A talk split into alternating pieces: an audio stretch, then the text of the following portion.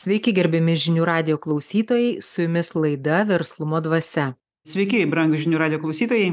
Šiandien mūsų pašnekovas, vadovų konsultantas Saulis Jovaišas. Labadiena, Sauliau. Sveiki. Sveiki, Sauliau. Štai jūs esate vadovų konsultantas.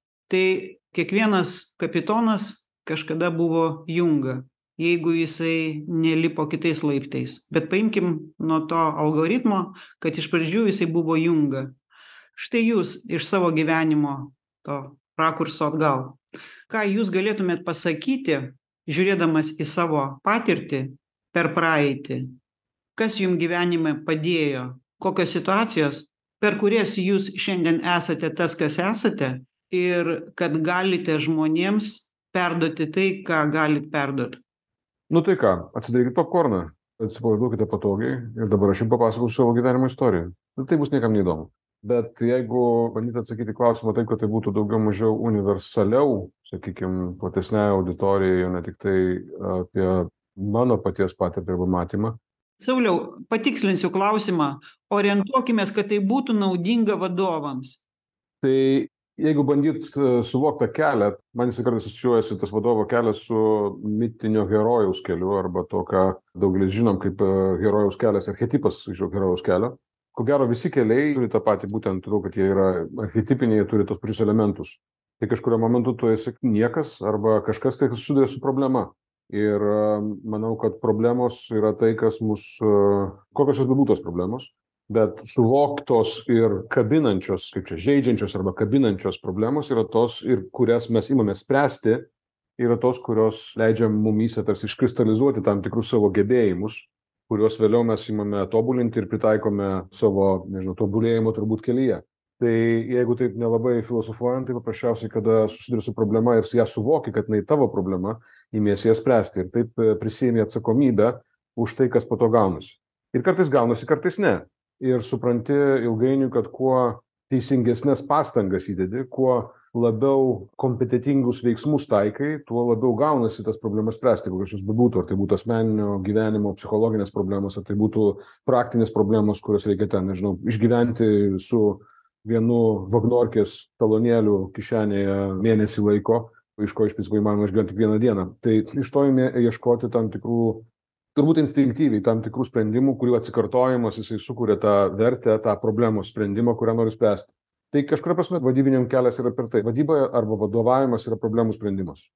Ir kuo anksčiau arba kuo sąmoningiau mes išmokstame spręsti problemas tuo iš principo esame kokybiškesni profesionalesni kaip vadovai turbūt per tai. Žmonės kartais vengia žodžio problemos sako iššūkiai mano giliu įsitikinimu tai problemos virsta iššūkiais tada kai mes pradedam jas spręst. Kol mes jų nesprendžiame tai yra tiesiog problemos. Ir tiek žinių. Jeigu taip imant visą vadybos veikimo lauką tai kiekviena organizacija egzistuoja tol kol jinai sprendžia kažkokią tai kliento problemą. Reiškia aš būdamas toj organizacijoje egzistuoju toj organizacijoj esu reikalingas tai organizacijai tiktai tol kol aš sprendžiu kažkokią problemą kuri padeda išspręsti kliento problemą ir kuo aš geriau moku spręsti problemas tai yra darau greitesnius sprendimus tai yra mažiau bijau klysti tai yra greičiau imuosi taisyti tai ką sugadinau. Tuo aš įgyju gilesnę kompetenciją kaip vadovas ir tuo aš esu efektyvesnis kaip tas problemų sprendėjas organizacijoj. Ir paskui ką aš darau aš mokau kitus. Turiu galvoj ne aš asmeniškai bet kiekvienas vadovas būdamas naudingas organizacijai jisai per savo veiksmą visų pirma pavyzdį o paskui ir per jau konkretų mokymą jisai moko kitus žmones su juo susijusius dažnai nuo jo priklausomus kažkuriam etape būti efektyvesniais problemų sprendėjais. Kažką tai technologiniam lygmenyje kažką tai procesiniam lygmenyje kažką tai grynai žmogiškam santykių lygmenyje. Tai herojaus kelias galima būtų pasakyt čia aš taip improvizuoju reiškia tokia problemų sprendėjo kelias. Nuo prasto iki geresnio arba iki pakenčiamo paskui iki neblogo paskui geresnio paskui vėl iki prasto kadangi problemos keičiasi ir kompetencija gali būti kita. Tai turbūt toks tas galima kelias sakyt. Labai malonu girdėt kad jūs siūlote į problemą žiūrėt ir tai jūs išmokote gyvenime savo jaunystėj nors jūs jaunas ir dabar kad problema tai yra gerai. Jeigu tu esi gyvas tu iš principo esi pats problema. Problema pats sau. Taigi problema tai yra galimybė kurti.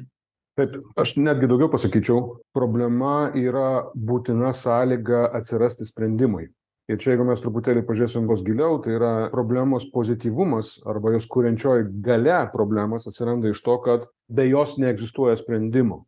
Ir kai aš susiduriu su problema aš susiduriu su galimybe jos virtimo sprendimu. Paprastai kalbant mes kaip vadovai iš esmės mūsų darbas yra ieškot problemų spręst problemas bet ieškot problemų tam kad rastum sprendimą.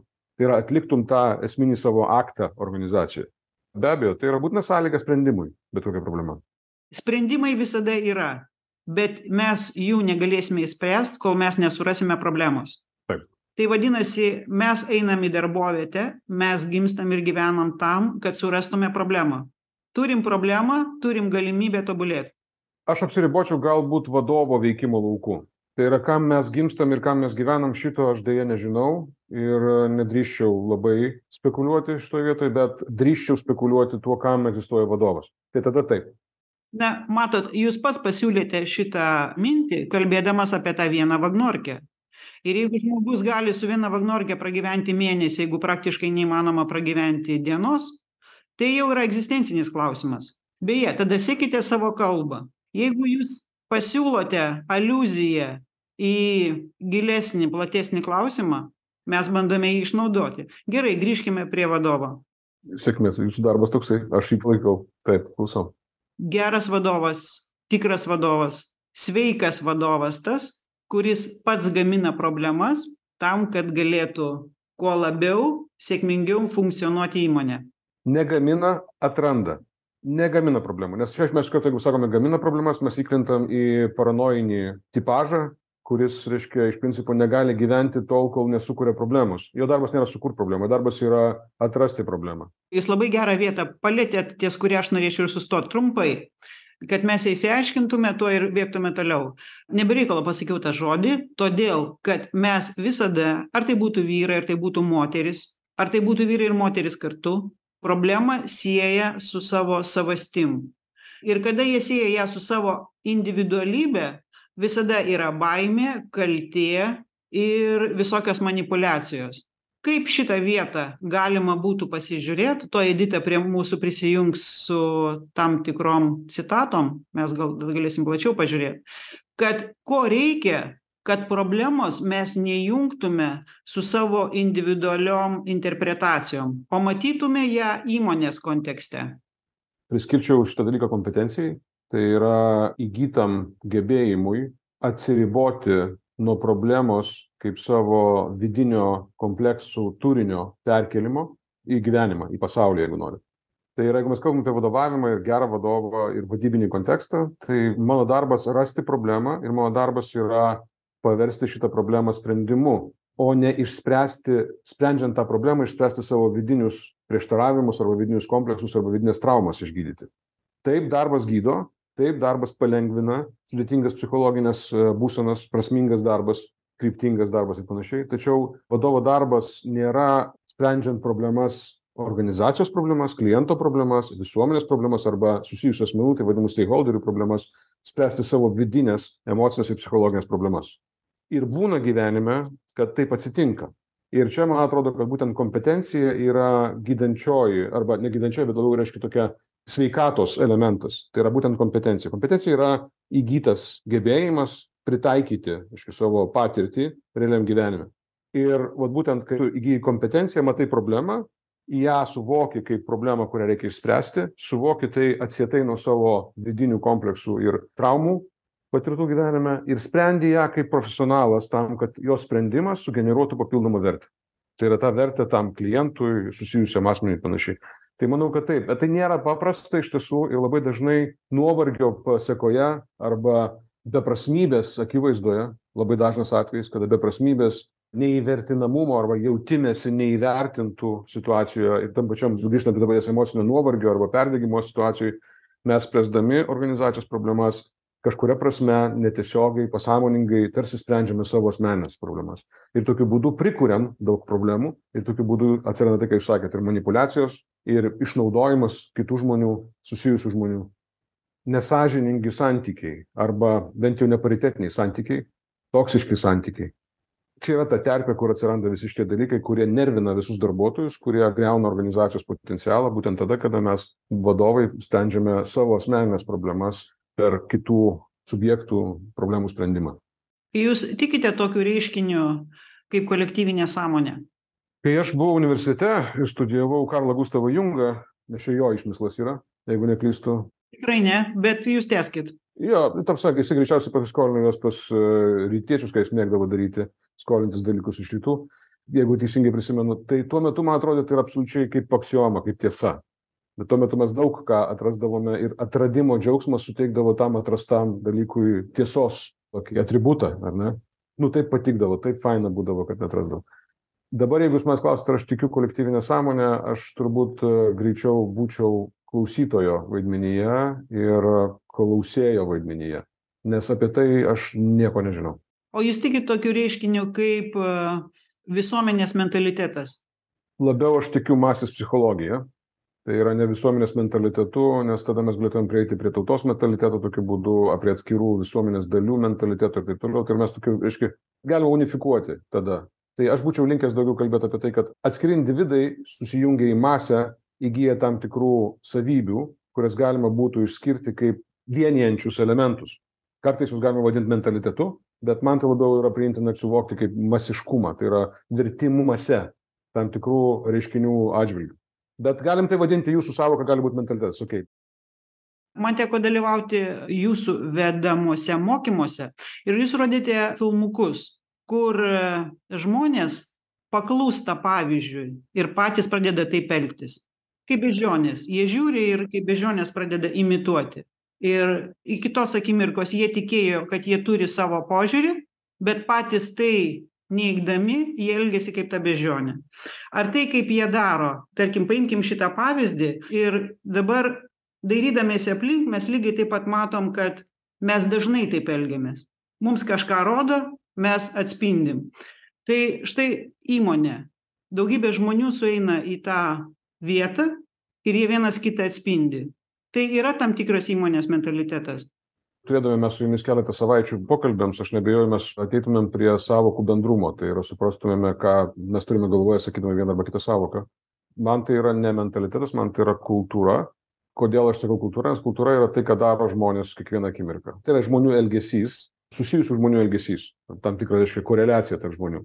Ir organizacijos kultūra yra tai kas yra kuriama tam kad žmonės šitoje kultūroje galėtų maksimaliai atsiskleisti vertės kūrimo grandinės procese ir mes galime padėti žmonėm priimti realybę tokia kokia jinai yra arba tokia kokios reikia organizacijai būtent suformuodami tam tikrą kultūrą ko neįmanoma nesuformavus tam tikrą požiūrį į tai kas vyksta.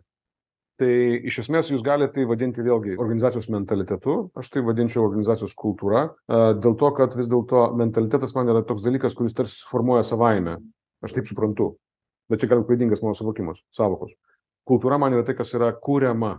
Nebūtinai teigiamai nebūtinai teisingai nebūtinai į tą pusę kur reikia bet kuriama. Ir jeigu yra efektyvi kultūra tarnaujanti strategijai tarnaujanti organizacijai nes aš esu labai stipriai įsitikinęs kad kultūra turi privalo tarnauti organizacijai jos reiškia strateginiam tiklams tada jinai yra būtent kuriama tokiu būdu kad yra formuojamas daroma įtaka požiūriui žmonių kad jie galėtų tai realizuoti per savo sąveiką su kitais žmonėmis elgesį kasdienį elgesį su kitais žmonėmis kad ta kultūra atliktų savo funkciją bet aš nesikabinėsiu prie sąvokų daugiau. Sutariam gerai? O tai aš čia kabinėjuosi prie sąvokų jūs kabinėjatės nes niekas savaime nesusikuria taip dėsnis neveikia. Savaime nesidaro niekas. Juk kas yra kultūra? Ne rankos ne kojos ne žvilgsniai ne dar kažkas. Veikia mūsų psichika veikia visa mūsų chemija. Taip kad lygiai tas pats su mentalitetu. Okei nepatinka jum tas žodis nuimkime. Išgyvensiu vaikai neatiminėkit iš savęs gerų žodžių kuriuos jūs naudojate tiek to. Vis tiek mes matysimės trumpiau negu jūs su tais žodžiais bendrausite. Tai pasilikit tų žodžių gerai bet stenkimės vienas kito atžvilgiu ir jeigu įjungus dar ir mūsų klausytoją tai mūsų erdvės atžvilgiu gerai? Tai vadinasi vis dėlto yra ta kultūra.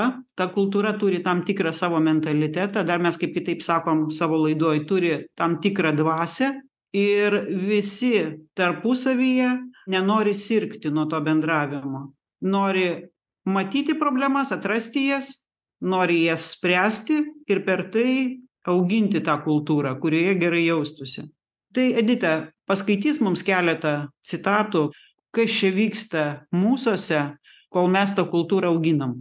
Ko gero pradžiai žinokit ir vienos užteks vadovas aišku neegzistuoja be pavaldinių. Ir mes turime štai tokią nuomonę patirtį kuri teigia kad vadovo sėkmė priklauso nuo to kaip pavaldinys priima jo supratimą. Todėl vadovas turi siekti perduoti ne tik sausą bejausmę informaciją bet ir savyje sutelktą jo ir pavaldinių santykiuose susiformavusią sąmoningo jausmo proto būseną jis savo energiją turi skirti tam tikslui kurio siekti skatina savo pavaldinius.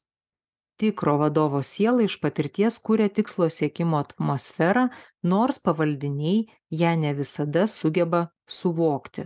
Kuo efektyviau vadovas savo jausmo protu tą atmosferą perteiks žmonėms tuo labiau paskatins juos siekti bendro tikslo. Edita tu perskaitei visą mes grįžkime prie pirmo vadovo sėkmė priklauso nuo to kaip pavaldinys priima jo supratimą. Jūs įsivaizduojat yra kapitonas ir yra junga. Tarkim kaip junga gali priimti kapitono supratimą? Aš mačiau daugybę situacijų kaip jungas sako kapitonui kaip gerai jūs kapitone o kad taip padarius kad taip gyvenat kaip gerai kaip aš taip norėčiau. Tai yra tokia manipuliacija ir jis net nesupranta kad jisai už savo tuos žodžius turės atidirbti. Ta prasme kad jam ir reikės tai realizuot materializuot. Žinot tas teiginys yra mano supratimu teisingas savo principu. Tai yra taip vadovo sėkmė priklauso nuo to kokie veiksmai seka pas pavaldinį ar pas darbuotoją po to kada vadovas daro tam tikrą įtaką. Bet čia yra keli dalykai kur aš norėčiau atkreipt dėmesį kaip žmogus dirbantis su vadovais visų pirma vadovas turi būt pakankamai brandus ir sąmoningas kad ta sėkmė link kurios jisai veda organizaciją jam pavaldžius žmones nebūtų infantilus būdas spręsti asmenines problemas o būtų iš tikrųjų orientuota į tam tikrą gėrio kūrimą gėrio kuris yra vertėjimas versle.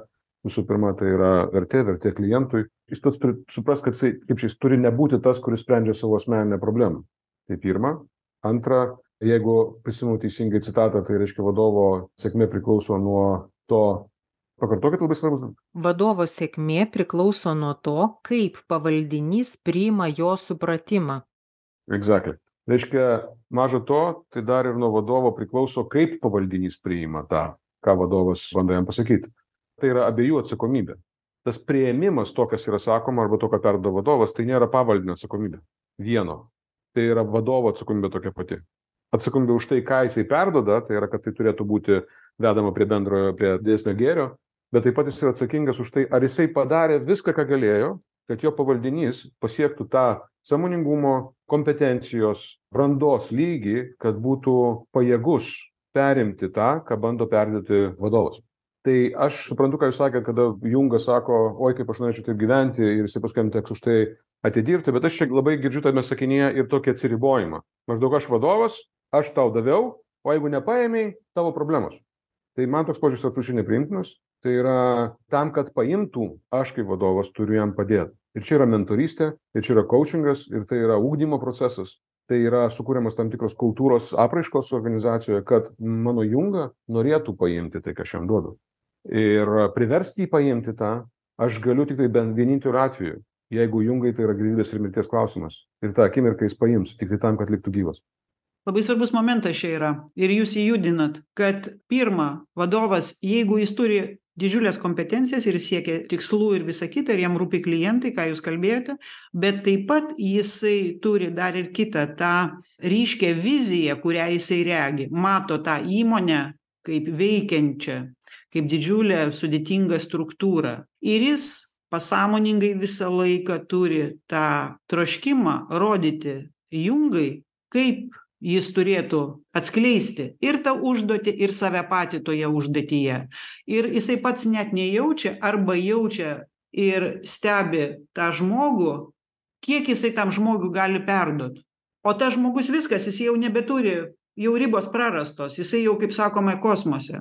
Klauso klauso klauso ir jame formuojasi po truputėlį nesąmoningai kaltės jausmas kad jis nesupranta ko iš jo nori kas dabar bus ir jisai pradeda orientuotis ne į savo gerąsias savybes bet į tai kas bus jeigu jisai to nepadarys jisai bus kaltas kaip jam čia dabar tai jaučiat kas formuojasi taip taip visiškai ir tai atsitinka būtent tada kada vadovas priskiria atsakomybę už priėmimą tos vizijos, už priėmimą to, kas jis skleidžia, priskiria darbuotojui. Vienam. Jis tokiu būdu sukuria tą įtampą, kurios pasiekoje atsiranda kalties jausmas. Aš suprantu vizionierius vadovus, kurie ateina ir sako, va žiūrėk, va taip atrodo didysis gėris. Ir va taip, va mes linkio turime eiti. Ir jeigu tu dar nesu manimi, tai žiūrėk, aš tau dar kartą papasakosiu, kaip tai turi atrodyti. O jeigu tu dar nesu manimi, tai gali būti taip, kad tu negali būti su manimi ir dėl to viso gero. Ir čia irgi kelias, it's ok, viskas tvarkoj. Ir e, dar kažkada, pamiršau vardą, Collinsas pavardė, su savo knygoje From Good to Great labai aiškiai sakė, jeigu norite, kad organizacija būtų sėkminga, tai, kaip jis sakė, get the right people on the bus kaip čia atveskite arba raskite tinkamus žmones į autobusą, į tą autobusą, kuriame mes važiuojam ir priskirkite tam atrastam žmogui tinkamą vietą tam autobuse. Ir viskas bus gerai. Problema yra ta, kad e, niekada nėra pakankamai teisingų žmonių. Ta organizacijos misijos prasme niekada nėra pakankamai teisingų žmonių. Žmonės visi yra teisingi. Bet šitam kontekstui tai gali būti netinkamas žmogus, nu ir vadinkime neteisingai. Kas atsitinka, jeigu vadovas turi tokią poziciją, kad jeigu tu netinki į tą autobusą, tai aš rasiu kitą, kuris tiks iš šito autobuso. Ir aš tiek tau, reiškia, stengsiuosi perduoti tą viziją, kol aš suprasiu, kad tu tinkamas arba netinkamas. Kai tu tinkamas, susiprovo važiuojam, jeigu netinkamas, viso gero tai kitas.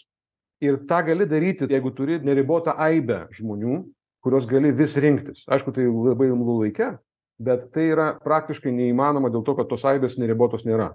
Žmonių kiekis yra ribotas, žmonių kokybės atitikimas kontekstui yra ribotas, dėl to tenka įvesti elementą, kuris vadinasi ugdymas. Tai yra, aš turiu paruošti žmogų, kad jisai būtų paruoštas girdėti.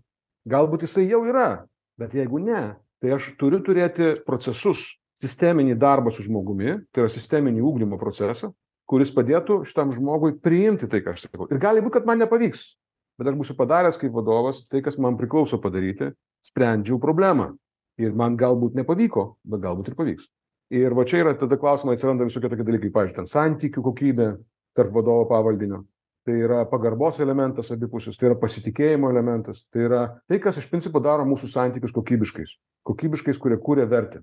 Tačiau jeigu nėra šito, yra aš vadovas, kuris žinau, kaip yra, o tu ausys. Ir kol tausis neapaugau smegenimis, aš tau kalbėsiu. Ir tai yra galimas kelias. Tačiau jis yra labai rizikingas ta prasme, kad ausis labai dažnai apauga smegenimis savaime. Ir tam reikalingas įdirbis. Ir tam yra metodikos. Tai yra vadovavimas žmonėm. Nu. Ką jūs patartumėt jungai patekusiam į tokią situaciją, kaip jis klauso, jis geranoriškai nusiteikęs, nes jis iš tiesų mato vadovo viziją, mato savo toj vaizduotėj, bet vaizduotė ten yra giliai arba aukštai, o reikia sugrįžti ir pradėti daryti konkrečius darbus. Ir tu toje akimirkoje susiduri su savo vidinė kultūra ir su įmonės kultūra. O ten tos vaizduotės vaizdinys jis yra tobulas. Kaip iš tos vaizduotės tobulo vaizdinio pasiimti ir atsinešti kad būtų galima tai naudot? Aš manau kad nuo daugybės mūsų bėdų veiksmingiausias vaistas yra smalsumas. Sutikit jeigu nesupranti kas vyksta kaip dažnai žmogus pasielgia kai jis nesupranta kas vyksta jisai sugalvoja kas vyksta nes nežinoti jam yra per sunku emociškai per sunku. Smalsumas yra sunkus darbas jeigu nepasitiki savimi. Aš turėjau prieš savaitę susitikimą su vienu labai puikiu žmogumi kuris daro verslus visam pasaulyje ir mes su juo kalbėjomės ir jis sako žinai o kaip ten tas veikia? O ką man reikia padaryt kad man ten pasisektų? O gal tu man turi patarimą? Jisai nuolatos klausinėjo dalykų apie kuriuos aš nieko nesuprantu. Aš nieko jam negalėjau per daug pasakyt man tai sukėlė tiek pat klausimų kiek jam bet sako žinai aš su bet kuo susidūręs iš karto kyla klausimų. Man labai įdomu kaip tai veikia. Ir aš sakau žinai gali būti kad aš klystu bet toks sudaro įspūdis kad dauguma žmonių susidūrę su tuo ko jie nežino jie jau iš karto žino. Tai yra jų tas nežinojimo smalsumo elementas jisai yra nukištas ten kažkur tai labai toli giliai dėl to kad jiems taip nesaugu būti nežinojimo pozicijoje kad jie renkasi tą žinojimą sugalvojimą ir tikėjimą savo percepcijom savo nuostatom savo įsivaizdavimais ir savo istorijom tai aš galvoju kad jūs tą labai gerai nupiešėt tą situaciją tokį vat jungos kuris tarsi ir norėtų padaryt viską teisingai ir nuoširdžiai norėtų bet jam taip baisu ką jisai mato ir ko jis nesupranta. O kodėl jam baisu? Nes jisai nepasitiki savim toj situacijoj kur jis yra.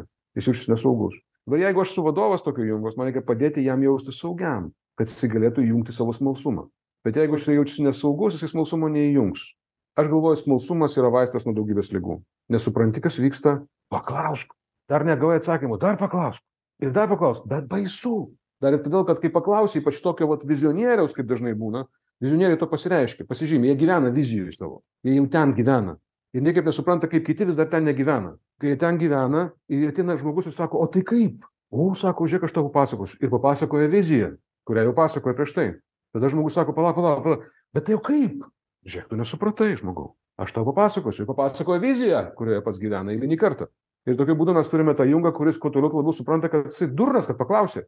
Ir čia yra va, tas momentas, kada jeigu mes turime du individus, individų grupę organizacijoje, mūsų darbas yra, ir aš kaip vadovas turiu inicijuoti tokį darbą, tai yra darbas su santykiais, kad mūsų santykiai vestų prie mūsų saugumo, saugaus jautimosi organizacijai, ne laimingumo organizacijai, čia ten kažkur toli labai dar, bet saugumo. Kam? Tam, kad žmonės išdrįstų domėtis, išdrįstų smalsauti, išdrįstų nenusiraminti gavę atsakymą. Tai aš manau, kad smalsumas. Tik tai čia vadovas gali padėti darbuotojui tapti smalsiu.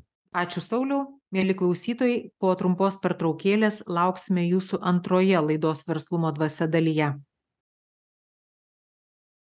Gerbiami žinių radio klausytojai, grįžtame į laidą Verslumo dvasia. Priminsiu, kad kalbamės su vadovų konsultantu Sauliumi Jovaišu pirmojoje dalyje jūs kalbėjote apie tai kad įmonėje vadovo darbas yra inicijuoti darbą su santykiais kad darbe tarpusavio santykiai vestų prie saugumo saugaus jautimosi organizacijoj ne laimingumo iki kurio dar anot jūsų toli bet prie saugumo tam kad žmonės išdrįstų domėtis koks yra tas atsakymas ir vadovas gali padėti darbuotojui tapti smalsiam. Tai tęskime temą. Patikslinkit kas yra tas saugumas? Inga tu dar norėjai papildyti klausimą. Aš matau vėl tą dualumą. Kada mes žmogų vedame kada mes rūpinamės kapitonas rūpinasi jungos saugumu ir jis puikiai žino jungos pavadinkim taip mentalitetą tą visą charakterį. Ir kai suteiki aš pati daug tai mačiau tokių variantų tokių pavyzdžių turiu. Kai tik sudarai žmogui sąlygas saugiai patogiai gerai jaustis joks smalsumas jame nesiformuoja. Tą pačią akimirką prasideda tobulėjimas į kitą pusę. Jam to užtenka jis gerai jaučiasi. Jo tarp kitko ego pradeda kilti jis pradeda pūstis ir tada vadovas susiduria su tuo ką jisai pats augina. Edita tu apie šitą? Taip bet tiktai kad tu jau dabar išdidinai į kitą pusę kad vienu atveju tai yra visiškas nesaugumas jo nėra o kitu atveju jau toks saugumas kad jis jau panašus į tokį išplėrimą kur niekas nebyla. Kaip tarp to dualumo kad vadovas žino kad jeigu tik atlaisvinsi ranką nuo pulso nuimsi ir viskas kaip sakoma o iš kitos pusės tada jeigu perspausi tai žmogus tiesiog tampa psichiniai nestabilus. Taip žinot kaip ten sako kuo tu žmogų labiau ganai tuo jis labiau avis. Ir aš labai manau kad edita užkabino tą teisingą gal labesnį tokį suvokimą to saugumo. Saugumas tai nereiškia kad tau viskas gerai. Saugumas tai nereiškia kad tau patogu. Saugumas tai yra terpė kur tu gali būt drąsus. Saugumas tai yra terpė kur tu gali išdrįsti imtis klausti lįsti į diskomfortą tai yra saugumas. Tai ką mes suprantame kaip saugumas dauguma žmonių supranta kad saugumas tai reiškia man viskas gerai man saugus rytojus man patogu ir subinėj šilta tai apie tokį saugumą aš nieko nesuprantu nors kartais man jo irgi norisi. Aš kalbu apie saugumą tai yra saugumą išdrįsti. Kaip tai vyksta? Jūs manęs klausiat aš sakau ačiū tau už klausimą. O nesakau tu ką nesupranti? Ir nesakau ai nu tu suprasi kai išaugsi suprasi. Va trys atsakymų variantai į tą patį klausimą vienas dalykas yra ačiū už klausimą. Reiškia aš drąsinu tave klausti dar. Kitas yra sakymas išaugsi suprasi kas tai yra nuolaidžiavimas. Nu žinai dar ne laikas dar vaikuti tau ne laikas. Ir kitas variantas yra kada jau net klaust nebesinori nes taip jau viskas gerai. Tai mano reakcija tokia žinai maždaug ten nu aš tau papasakosiu. Ir pasakoju. Mano kalba apie tą saugumą apie kurį aš kalbu tai yra aš apibrėšiu būtent tuo saugumas išdrįsti lipti iš komforto zonos. Jeigu tu bijai tu nelipsi jeigu tau viskas žiauriai gerai tu nelipsi bet nei vieno nei kito nereikia organizacijai organizacijai reikia saugumo kuriame aš jaučiu kad galiu klysti aš jaučiu kad galiu klausti aš jaučiu kad galiu išdrįsti aš jaučiu kad tas vadovas tas kapitonas jisai mane siunčia lipti į stiebą ne tam kad mane nubaustų o siunčia mane lipti į stiebą tam, kad aš išmokčiau nebijoti aukščių. Ir va tai yra ūkdymas. Ūkdymas niekada nėra nulaidžiavimas. Mūsų dažnai sistema ir ta pati pedagoginė sistema, jinai įsivaizduoja, kad, reiškia, ūkdymas tai yra nulaidžiavimas. Nu, maždaug, ta, ai, nu tiek to parašysiu aš tau tris. Nu, čia mano laikais. Šis laikais, tai, ai, tiek to parašysiu aš tau šešis. Nes, nu jau ką jau čia iš tavęs paimsi. Kas yra, tai yra niekinimas žmogaus. Žeminimas ir niekinimas. Ne, saugumas tai yra, kada sakys, palauk, žiūrėk, aš žinau, kad tu gali ant septynių, aš žinau, kad tu gali ant aštuonių. Ir žiūrėk, ką mes tuim padarysim per ateinančias dvi valandas tam, kad tu man atsakytum ant aštuonių. Tai yra challenginimas, tai yra iššūkio kelimas. Bet tu gali kelti iššūkį tik tai tam, kuriuo tiki. Tik tam, kuriuo tu tiki, tu gali sukurti tą saugumą, kuris leis išdrysti. O kaip jum toksai, pavyzdžiui, būdas? Štai mes irgi esam e, susidūrę, kad vadovas kelia, kaip žinot, kas ten Napoleonas taip darydavo, man atrodo, kad jis reikalauja iš žmogaus to, kas neįmanoma, turėdamas tokį tikslą, kad žmogus pasiektų viską, kas jam yra įmanoma. Čia laikyti žmogų lėlė. Kaip daro vadovai iki šiol? Pavyzdžiui, keliam simulius tikslus, tikėdamėsi gauti nors vidutinį rezultatą. Kelia deadline'us neįmanomus tam, kad gautų bent dalį darbo padaryti kito laiko. Tai yra manipulacija, tai yra žmogaus žeminimas, tai yra nelaikymas žmogaus lygių savo. Čia laikymas žmogaus instrumentu, įrankiu. Įrankiu padaryti tai, ką sugalvojai. Ir Napoleono atveju ir kariuomeniai dažnai tai yra pasiteisina, nes iš principo kariuomenė, kai jinai tampa tam tikra mase, apjungta masės psichologijos arba jūsų atveju, kaip jūs minėjote, mentaliteto tam tikro, jinai yra instrumentas. Instrumentas laimėti pergalę. Viskas, ramu. Tai jam kelia neįmanomus uždavinius, kad padarytų bent tai, ką gali. Bet jeigu mes kalbam apie sveiką organizaciją, šių laikinę sveiką organizaciją, ten žmogus nėra instrumentas. Jis yra savarankiška asmenybė, kuri yra lygi tau, lygiai taip pat. Tik tu turi viziją, o ta asmenybė dar ne. Viskas. Jis yra toks pas kaip tu. Tik tiek, kad jis dar neturi vizijos. Ir tu jam gali padėti. Tai reiškia, taip mes turime kelti tai, kas vadinasi vadybos strečas. Tai yra, reiškia, tam tikrą didesnį tikslą, ambicingesnį, stipresnį tikslą, kad būtų įdėta daugiau pastangų jo siekiant. Tačiau čia yra esmė, kad tu negali iškėlęs didesnį tikslą palikti to, kuriam iškėlė tą tikslą vieno su tikslo atžvilgiu. Nes tu tada kaip vadovas, kuris iškėlė tikslą, tu tikėsi, kad tikslas pats ištemps tą darbuotoją į viršų. Jis įtemptils, bet neištemps ir tikrai neištemps ilgą laikotarpį. Šiaip dar vienas toks psichologinis momentas. Štai jūs sakote, jeigu vadovas daro tokias rokiruotės, manipulacijos, jis įžeidinėja ir menkina ir žemina. Ir čia yra vietelė. Kada su mumis taip elgesi, arba mes taip įsivaizduojam, kad su mumis vadovas taip elgesi, Čia gera pastaba, atsiprašau, mes galim taip įsivaizduoti, kad su mumis taip elgesi. Nebūtinai tai reiškia, kad taip su mumis elgesi. Taip, sutinku. Ir štai mes taip įsivaizduojam, nes mes taip girdim, mūsų savimėlė, mūsų visa ta persona taip girdi, kad su mumis taip elgesi.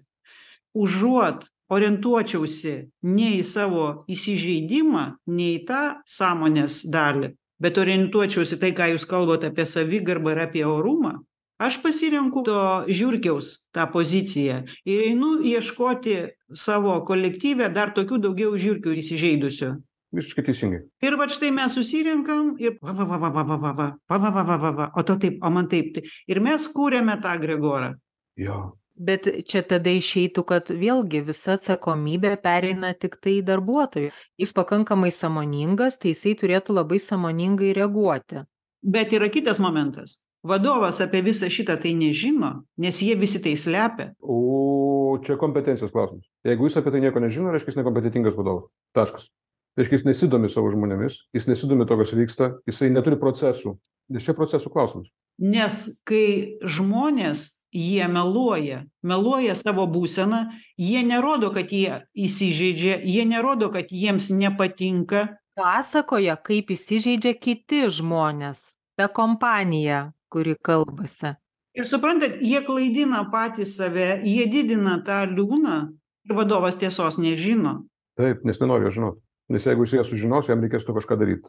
O kol jis apsimeta, kad jos nėra, jis gali ir toliau kartu tą patį, kad darė prieš tai. O kokios tiesos jis nežino? Jis nežino, kaip iš tikrųjų jaučiasi jo žmonės. Jis nežino, ką iš tiesų galvoja žmonės. Jis nežino, kas svarbu jo žmonėms iš tiesų. Dėl to, kad jam neįdomu. O kaip jūs manot, kodėl jam neįdomu? Todėl, kad jam įdomu jo vizija? Todėl, kad jam įdomu jo vizija, todėl, kad jam įdomu jo vidiniai kompleksai, jo vidinės traumos ir jo vidinės problemos, todėl, kad jam įdomu yra tam tikri labai konkretus ir paprasti merkantiliniai tikslai, kaip pavyzdžiui, uždirbti daugiau pinigų kas yra okei bet kai tai yra vienintelis tikslas dėl to kad aš turiu didelį kreditą arba dėl to kad aš turiu didelę ambiciją tai yra tu fokusuoji savo dėmesį į tai ką tu darai. Ir viskas tvarkoj. Ir tokių vadovų reikia. Tačiau jie žinodami kad jie fokusuoja savo dėmesį į tą pusę jie turi sau pasakyti kad todėl aš nesužinosiu ką jaučia mano žmonės todėl aš nesidomėsiu pakankamai tuo ką jie galvoja dėl to aš turiu sukurti organizaciją kurioje bus tam tikros funkcijos kurios atliks šitą sužinojimo pajautimo ir santykių kūrimo funkciją taip kuriama yra organizacija. Tai yra organizacija kuri turi tuos visus principus. Jūs darot laidą kuri vadinasi verslumo dvasia. Jūs kalbat apie dvasią jūs kalbat apie principus kuriais veikia ta dvasia jeigu aš teisingai suprantu. O aš kalbu apie organizaciją. Apie dvasią aš nesuprantu nieko. Aš kalbu apie organizaciją kuri yra ne verslumo dvasios lydima o tai organizacija kuri organizuoja žmonių veikimą tam tikrų problemų sprendimo kryptimi. Ją tai draivinti gali vežti gali būtent verslumo dvasia jeigu aš taip nu bandau reiškia pačiupinėt tuos dalykus jo. Reiškia judinti ją į priekį gali verslumo dvasia. Bet kad jinai veiktų ir judėtų ta linkme reikia kurti organizaciją. Ir neužtenka jos tiktai labai kokybiškai labai stipriai užkrėsti tuo matymu. Reikalingi dar procesai ir sistemos kurie skirti yra kurti tam tikrus santykius organizacijoje elgseną tam tikrą kultūrą požiūrį tam tikrą. Ir va čia yra tada mes galime sakyti kad taip darbuotojas neprisiėmė neišgirdo. Darbuotojas ir toliau nuėjo šu šu šu nepaisant to kad organizacija padarė viską kad jį įtrauktų. Bet jeigu organizacija nieko nedaro kad įtrauktų tai jisai ir šu šu šukins. Tai jisai ir kurs savo frakcijas ir partijas tai jisai ir bėgios tenais tai yra patogu. Nes tada jisai gali būt vargšas tada jis gali būt auka. Reiškia viskas ko jam reikia tai įtvirtinti šitą veiksmą ką ir įtvirtina labai dažnai vizionuojantis vadovas būdamas persekiotoju tai yra užpuldamas savo darbuotojus ir tokiu būdu įtvirtina tą aukos vaidmenį. Arba jau paskui jam praeina emocija užeina jis tada pradeda gelbėt tą darbuotoją kad tam darbuotojui biškį palengvėtų kažkaip tai. Nes nu vis tiek kitam kuriam nepalengvės tai brangiau kainuos jisai. Tai gal tegu palengvėja šitam ir tokiu būdu dar labiau įtvirtina aukos vaidmenį. Žinot karpmano trikampis auka persekiotas gelbėtojas kas dabar klausotės arba žiūrite pasidomėkite guglėje susivedę viskas tas labai aišku. Kada mes turime fokusą tiktai į vieną pusę mes prarandame visą šitą jėgą kurią turi žmonių bendrumas kurio sukurt vien tiktai įkvėpimu mano giliu supratimu neįmanoma. Tam reikalingi dar instrumentai ne žmonės kaip instrumentai o instrumentai procesiniai instrumentai kaip sisteminis ugdymas kaip procesai kaip kultūra kaip santykių formavimas kaip psichologija ta pati kaip įrankis. Va to ko mums reikia tam kad tas dalykas galėtų in raketas in kosmosų mes tada labai gražiai prieiname prie bendro sutarimo kad tai kas vyksta įmonėj tokie šušu tai yra normalu tai yra pirma sąlyga kad įmonė turi pradėti peržiūrėti arba sutelkti visą savo dėmesį į instrumentus tam kad ta verslumo dvasia galėtų kūrybingai skleistis. Ir kita vertus nustoti naudoti darbuotojus kaip instrumentus. Taip mes turime žinoti kad tas šu šu šu yra simptomas. O simptomas tai yra pasekmė ane? Nu šiaip pagal savo tą tai pasekmė tam tikrų veiksmų atliktų iki tol. Arba neatliktų veiksmų ane? Arba priežastis priimti naują. Ir tada jeigu mes kaip gydytojas žiūrim mes matom simptomą ir tai yra mums trigeris mums priežastis kaip jūs sakot priimti tam tikrus sprendimus. Tačiau kai mes matome simptomą mes turim suprasti kad tai yra simptomas. Tai yra pasekmė tam tikros priežasties ir jisai gali tapti priežastimi kitiems veiksmams. Bet prieš tai mes turim suprasti kad tai yra pasekmė to kas vyksta organizacijoj ir kas gali kurti daugiau tokių panašių simptomų kurie šiaip vadinasi neįsitraukimas arba šiais laikais dar toks yra labai populiarus terminas kurio išverst neįmanoma į lietuvių kalbą tai yra quiet quitting. Tai yra toks tylus atsitraukimas kur maždaug aš dirbu tiktai tiek ir absoliučiai tiktai tiek kiek absoliučiai būtina tam kad manęs neatleistų iš darbo. Žiūrėkim štai atsidūrė kolektyvas tokioj situacijoj ir jie supranta kad reikia pasikalbėt koks čia darinys išaugo ir kaip dabar. Mes visi sueiname ir mes nesam kalti ir nėra blogų nėra išdavikų.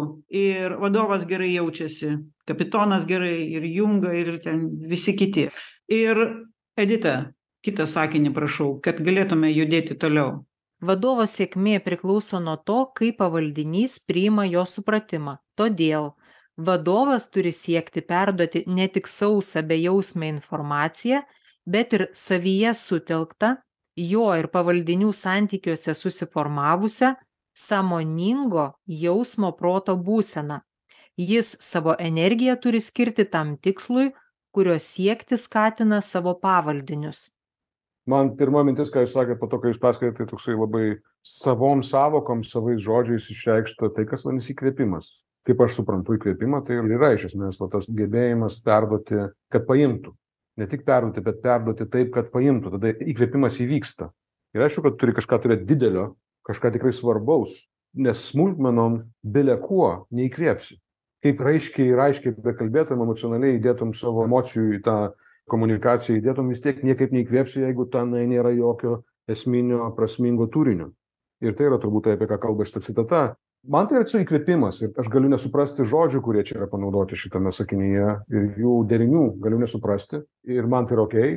Aš neklausiu šiandien ir dabar, kas yra jausmo proto būsena, dėl to, kad mes turbūt turėtume ilgą labai diskusiją, bet aš girdžiu tai kaip pokalbio dalyvis, kaip raginimą vadovui.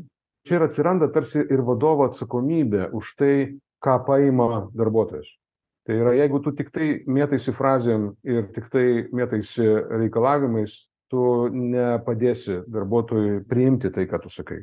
Bet jeigu tu įdėsi į tai emociją ir prasmę ir didelį dalyką yra šansų kad tu galėsi padėti įsikvėpti darbuotojui galbūt netgi ir įkvėpti darbuotoją Čia atkreiptas dėmesys, sako, ne tik bejausmė informacija, tai reiškia, kad tame turi būti tam tikra jausminė dalis. Jausmo proto jausminė ir proto. Kaip jums atrodo kiek čia to jausmo turi būti kiek jo reikia kad žmogus sugebėtų priimti informaciją? Kaip jum atrodo? Kaip priimti informaciją gal aš atidėčiau kada nors kitam kartui o vat tą būtent kad aš padėčiau priimti informaciją aš turiu tikrai žiūrėkit mes esam emocionalūs apie tai kas mums svarbu. Jeigu mums nesvarbu mes apie tai neemocionalūs. Kitaip sakant tai mūsų nežeidžia neskaudina nedžiugina mes niekaip į tai nereaguojame emocionaliai. Man ne kartą tenka kada aš dirbu su klientais ir pavyzdžiui mes sakom aš sakau žinai tu turi teisę turėt ribotą toleranciją. Tavo tolerancija turi turėt ribas. Pavyzdžiui tu turi turėt ribotą toleranciją netinkamam požiūriui į organizacijos ten tikslus ir panašiai arba turi turėt ribotą toleranciją netinkamam elgesiui blogam darbui nesąžiningam elgesiui. Ribota tolerancija pasireiškia tuo kad ateina riba kada tave tai užknisa ir kad tu reaguoji tai emocionaliai. Kodėl emocionaliai? Todėl kad tai yra tau svarbu. Tai ta prasme kalbant apie tą emocionalų krūvį emocinį krūvį to ką mes kalbame dirbtinai jisai gali būti jeigu mes esam geri aktoriai bet aš esu labai mažai matęs gerų aktorių tarp neaktorių o ir tarp aktorių ne visi geri kaip žinia. Jeigu tai yra vaidyba taip sakant tai ką tu sakai tau pačiam nėra svarbu tai visada sukels atitinkamas reakcijas kurios bus visiškai priešingos negu tu nori. Bet jeigu tai realiai tau svarbu tai atsiras emocija. Taip emocijos ir atsiranda komunikacijoje nes mes pradedam komunikuot apie tai kas mums yra svarbu. Dėl to aš matau tiktai išskleidimą to kad įtaka reiškia įkvėpimas kuris yra įtakos nu mechanizmo dalis. Įmanoma tik tuo atveju jeigu tai ką mes komunikuojame yra iš tiesų mums asmeniškai labai svarbu bet mums asmeniškai kaip vadovui kaip lyderiui kaip vedliui o ne kaip kompleksuotam žmogui. Štai ką jūs dabar kalbate transliuojate į eterį. Tai ir vadinasi jausmo proto būsena. Jūs analizuojate savo jausmus ir jūs rodote mums savo poziciją vadinasi jūs labai puikiai orientuojatės tais terminais. Gerai ačiū. Prašom jums puikiai sekasi. Tik tyliai taip šiltai sustok ties kiekvienu terminu ir jis taip gražiai atsidaro ir taip lengva pasidaro. Taip edita mes jau pabaigėm. Galim ir pabaigt iš tikrųjų gal dar saulius ir norės dar su mumis pasikalbėti ir ateity. Sauliau kaip aš jeigu būčiau jūsų laidos bendrakūrėjas aš šitoj vietoj pabaigčiau. Pasakysiu kodėl dar todėl kad mes nepaisant mano neišmanymo tų sąvokų atžvilgiu kuriomis operuojat mes čia priėjome prie tam tikro konsensuso tam tikro sutarimo. Tai visąlaik yra gerai pabaigti sutarimu.